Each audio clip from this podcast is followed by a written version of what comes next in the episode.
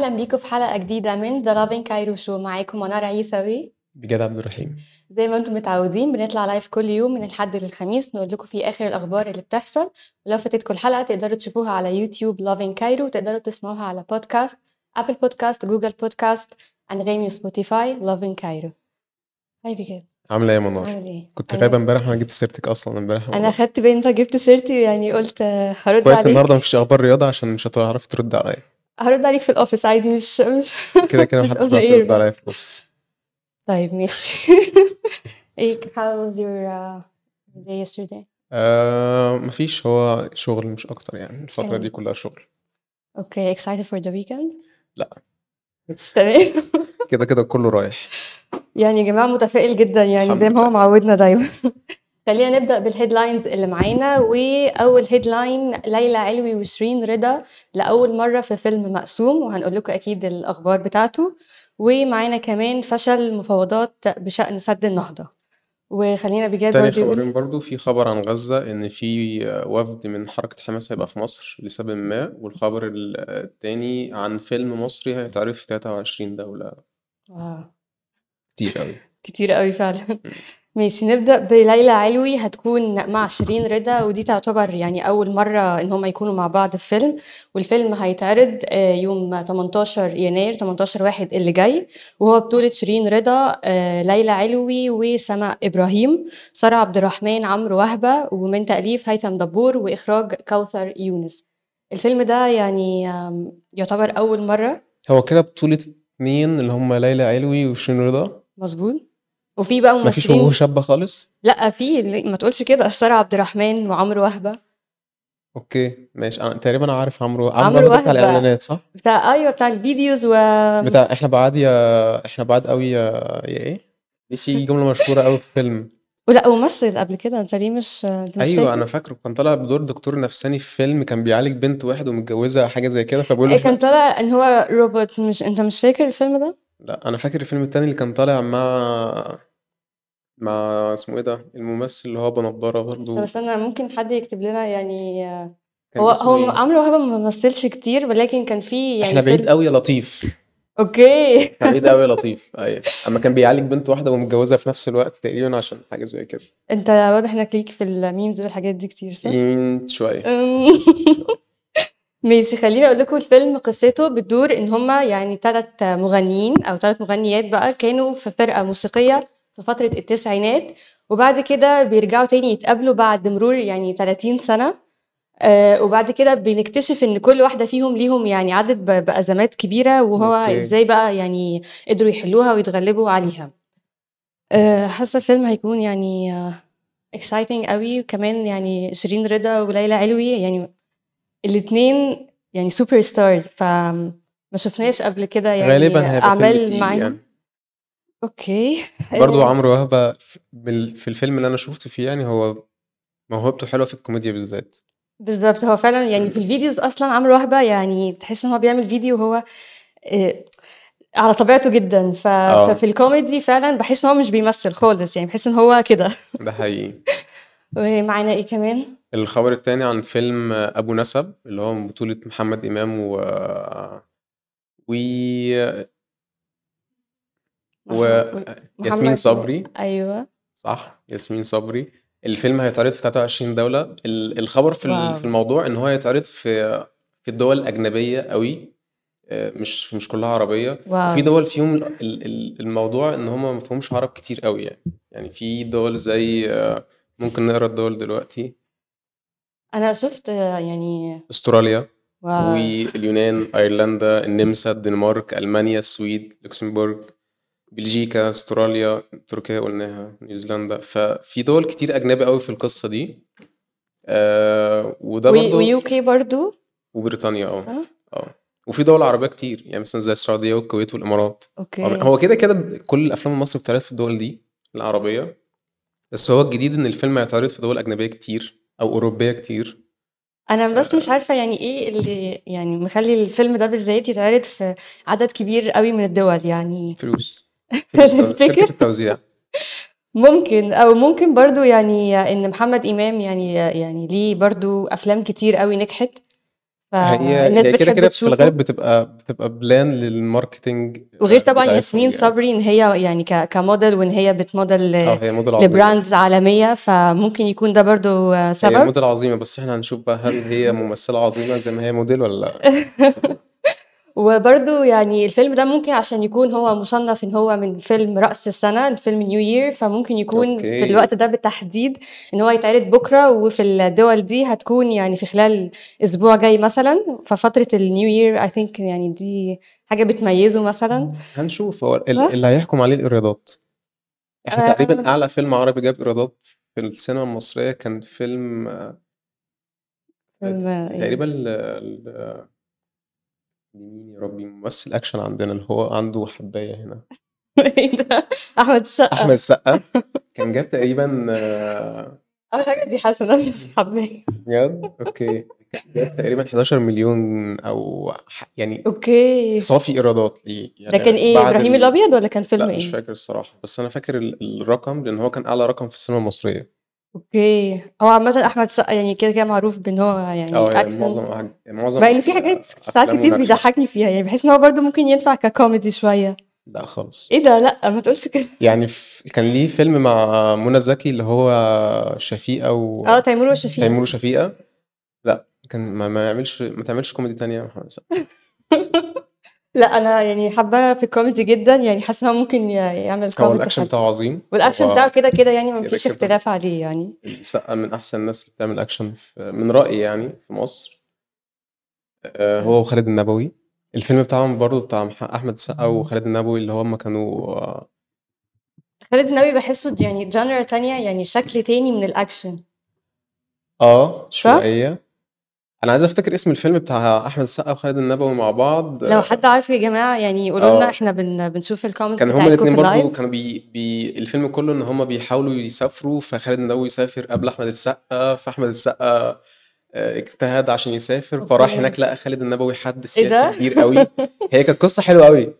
ده. إن هو interesting آه وهو أصلا خالد النبوي آه, آه الديلر تقريبا خالد okay النبوي هو بقى من الديلر بلطجي.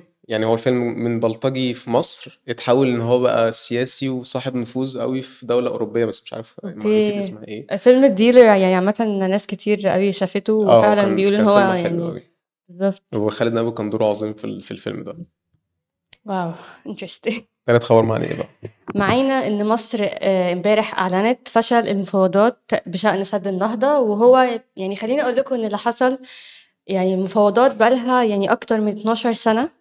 على موضوع سد النهضة. اللي حصل إن. آه، إثيوبيا ملت أول آه، يعني أعلنت إن هي خلصت أول آه، ملء بعد كده التاني بعد كده التالت بعد كده الرابع. الرابع ده كان يعتبر يعني كان في كلام إن هو هيكون الأخير ولكن واضح إنه في لسه ملء خامس. بس الرابع ده كانوا يعني almost خلصوا كل حاجة. أوكي. المفاوضات يعني وزارة الري امبارح أعلنت إن فشل المفاوضات واللي حصل إن إحنا مصر عايزة تعرف نسبتها يعني بعد ما السد ده اتملى في حوض النيل فمصر عايزة تعرف نسبتها كم متر مكعب هيكون موجود في السد ده لمصر. فاثيوبيا مش عايزة توضح مش عايزة تقول أرقام مش عايزة تدي نسبة معينة هتكون موجودة لمصر. فاللي حصل إن هم يعني عايزين بقى يعني يدخلوا في قصة هي تانية أصلا كمان من سبب ال... من الأسباب ال- الرفض إن مصر كانت طالبة من أثيوبيا إن في زي لجنة رباعية من الدول بتاعت بت... دول السد إن هي اللي تدير المخزون اللي ورا السد. بحيث إن هو ولكن ما يأثرش على السودان ما يأثرش علي مصر ما يأثرش على الدول دي. واثيوبيا رافضة الموضوع ده تماما؟ كده كده والدول برضو يعني خليني أقول لكم إن الدول التابعة لل... لل... كانت يعني متحيزة شوية للجانب الإثيوبي فاللي حصل إن الناس بتقول طب خلاص يعني ما طب يعني إثيوبيا مضايقانا قوي كده ما نضرب السد ده. الحقيقة إن السد ده هو بعد ما اتملى وإن هم تم الإعلان إن هو الملء الرابع خلاص خلص ما ينفعش أصلا فكرة زي يعني فكرة زي دي إن هو يعني يضربوا السد أو إن مصر تقول يعني خلاص السد ده يعني إحنا ملناش آه، حصة فيه أو ملناش برسنتج فيه فخلاص إن إحنا آه، نقوم بضرب السد لأن هو السد ده أول دولة هتكون آه، هتتأثر هي السودان. وإحنا هنتأثر برضو بيه إحنا كده كده هنتأثر لكن السودان يعني مش هيحصل فيضان لا هي مش هتكون موجودة أصلا على الخريطة. بس أنا عندي نظرية في الحتة دي. قولي. كده كده مش كل الحلول عسكرية فكرة إن إحنا نصدر إن الحاجة الوحيدة حلول عسكرية مش صح. في حلول اقتصادية كتير. في إن إحنا نضغط عليهم اقتصاديا. في حلول إن إحنا مثلا زي مثلا برضو حتة حتة غزة. في ناس كتير بتقول إحنا مش هنقدر نحارب. أه إحنا إحنا ما نقدرش نحارب عشان كيس كتير.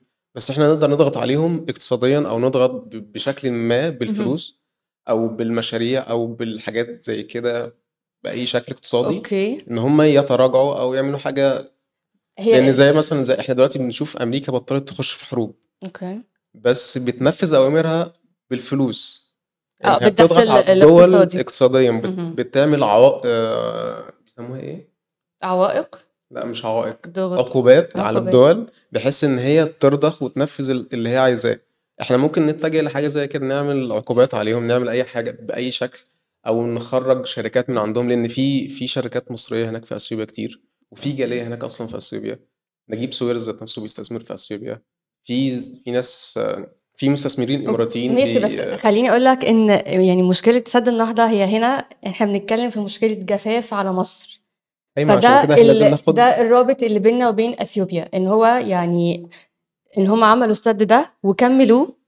فدلوقتي إحنا مصر عايز تعرف البرسنتج بتاعتها من السد. أثيوبيا مش عايزة تعلن عنها. أيوه ما هو عشان كده بقول إحنا لازم ناخد خطوة بحيث إن إحنا نقرب الدنيا قوي لأن ما هي خلاص هو الخطوة لو- السد بقى أمر واقع. لازم نتعامل معاه بقى بالمتاح عندنا. ما الأمر الواقع ده فالأمر هيبقى العسكري مش متاح كده كده. فإحنا لازم بقى نشوف يعني نشوف حاجة تانية بحيث إن إحنا نخلي أثيوبيا ترجع ل- للمفاوضات. بإيه بقى؟ أنا معرفش دي مش بتاعتي دي بتاعت السياسيين بتاعت ال- الحكومة ف هي يعني مصر احتفظت بحقها في الرد القانوني على المفاوضات إن هي فشلت. ويعني المفروض إن إحنا نشوف الفترة اللي جاية يعني إيه إيه الرد هيكون عامل إزاي. وأكيد يعني هنقول لكم الابديتس لو في أي جديد في الموضوع ده. إيه معناه إيه كمان الخبر الرابع إن آه، إسماعيل هنية رئيس ال- ال- الرئيس ال- حركة حماس أو رئيس المكتب السياسي لحركة حماس جاي في زيارة للقاهرة عشان يقعد تقريبا مع المخابرات المصرية عشان يتفاوضوا أو يتكلموا عن آه، وقف إطلاق نار في غزة لأن زي ما أنتم شايفين الأخبار ال- ال- الحالية دلوقتي إن الاحتلال الإسرائيلي بدأ يتكلم على إن هو محتاج آه، هدنة. يعني آخر آخر خبر طلع من رئيس الاحتلال الإسرائيلي إن هم آه، الاحتلال موافق على هدنة كبيرة وقف إطلاق نار مدته كبيرة بحيث إن حماس تقدر تجمع ال- الرهائن اللي عندها والاسرى اللي عندها في حتة معينة أو بدل ما هم معرضين مهم. للقصف والضرب والقتل زي ما حصل في آخر آه، آخر حادثة حصلت إن آه، جيش الاحتلال كان في ثلاث اسرى قدروا يهربوا وخرجوا من مبنى معين وخرجوا رافعين الرايات البيضاء جيش الاحتلال قصفهم وقتل الثلاثه مرة واحدة مهم. والموضوع ده عمل قلبان هناك في في, ال- في عمل الإسرائيلي مشكلة كبيرة إن لأن أنت من أصلا من قواعد ال... من قواعد الاشتباك وفي الحروب أي حد رافع الراية البيضاء ما ينفعش تقتله. فأنت متخيلة هو استسلم خلاص. فأنت متخيلة إن هو قتل ناس رافعين الرايات البيضاء وهم ومنهم- أصلا منهم. ومنهم؟ فأنت متخيلة هو بيعمل إيه في الفلسطينيين؟ فالسؤال ده يعني كان كان سؤال يعني أنا جه في بالي هو دلوقتي هو قتل ناس رافعه الرايات البيضاء وهو ما يعرفش هما مين بس هو لمجرد إن هو فاكرهم بس فلسطينيين فهو قصفهم وقتلهم. وهما طلعوا إن هما يعني طلعوا ناس هم من الأسرى يعني قدروا. يهربوا أو بشكل ما قدروا مثلا كانوا هم في المبنى ده بشكل ما فقدروا يهربوا بأي شكل من الأشكال وطلعوا رافعين الرايات البيضاء. لكن قوات الاحتلال ما فرقتش ما هما فرقتش اللي هم كده كده هم خايفين. آه يعني هم كده كده ما فرقوش بينهم فقصفوا قتلوا اتنين بقصف والتالت قدر يهرب واما خرج تاني وهو بيقول لهم آه، بشكل ما الحقوني أو حاجة زي كده راح ضربوه بالرصاص ومات والقصة دي عاملة مشكلة جدا هناك في الرأي العام وخلت أهالي الاسرى ينزلوا يعتصموا قدام مقر الحكومة هناك وكان ده بداية التصعيد من مستوطنين. من أهل الاسرى. خليني أقول لكم برضو يعني في أحداث غزة امبارح في مهرجان الجونه كان في آه، زي event معمول لجمع تبرعات آه، لغزة وال event ده يعني كان منهم يسرى وإلهام شاهين وأمير المصري وعدد تاني من النجوم. آه، ال event ده كان معمول امبارح في مهرجان الجونه ليه آه، بال- بالاتفاق مع اسمه إيه؟ بالاتفاق مع آه، مين؟ أفكر فكريني وأقول لك استنى. تبقي strong independent في كل حاجة يعني. لا ما تقولش كده. بالاتفاق مع الهلال الأحمر. okay. طبيعي الهلال الأحمر بيكون موجود في, ال... في وقت التبرعات وقت المساعدات عامة لغزة. فال event كان معمول امبارح. وبرضه خليني أقول لكم إن في المهرجان الجونه أرجع أفكركم تاني في قسم خاص بفلسطين بالأفلام الفلسطينية. يعني كنوع من الدعم كنوع من آه، إن هم آه، يعني طرح القضايا الفلسطينية طرح إن هم إيه الحاجات اللي هم بيواجهوها. إيه المصاعب بتاعتهم وإزاي. بيتغلبوا عليها. آه، فدي حاجة برضو يعني كويسة قوي إن هي تكون في مهرجان الجونة. يعني مش بس إن هو معمول لأفلام أو إن إحنا معمول for entertainment لأ إحنا في جزء برضو أو في جانب آه، مساعدة لفلسطين. دي حاجة كويسة جدا بحيث إن إحنا نحاول نقدر نعمل اللي نقدر عليه بعيدا بقى عن القرارات السياسية بعيدا عن الحاجات دي كلها. لازم يبقى في دعم شعبي للقصة دي كلها. بالظبط. وخصوصا يعني في, في, في وجود مهرجانات مثلا كبيرة زي مهرجان الجونة يعني بقاله آه هو مهرجان الجونة معروف جدا ومعروف كمان في الوسط الفني هناك لأن بيحضروا ممثلين أجانب كتير أعتقد وبيتم دعوة ناس آه، ممثلين كبار من هوليوود أعتقد يعني زي كده. دي كانت كل أخبارنا النهارده. لو فاتتكم الحلقة تقدروا تشوفوها على يوتيوب لافين كايرو تقدروا تسمعوها على بودكاست لافين كايرو Apple Podcast Google Podcast Spotify وأنغامي. وتقدروا تعملوا لنا mention في أي حاجة بتحصل في القاهرة. باي باي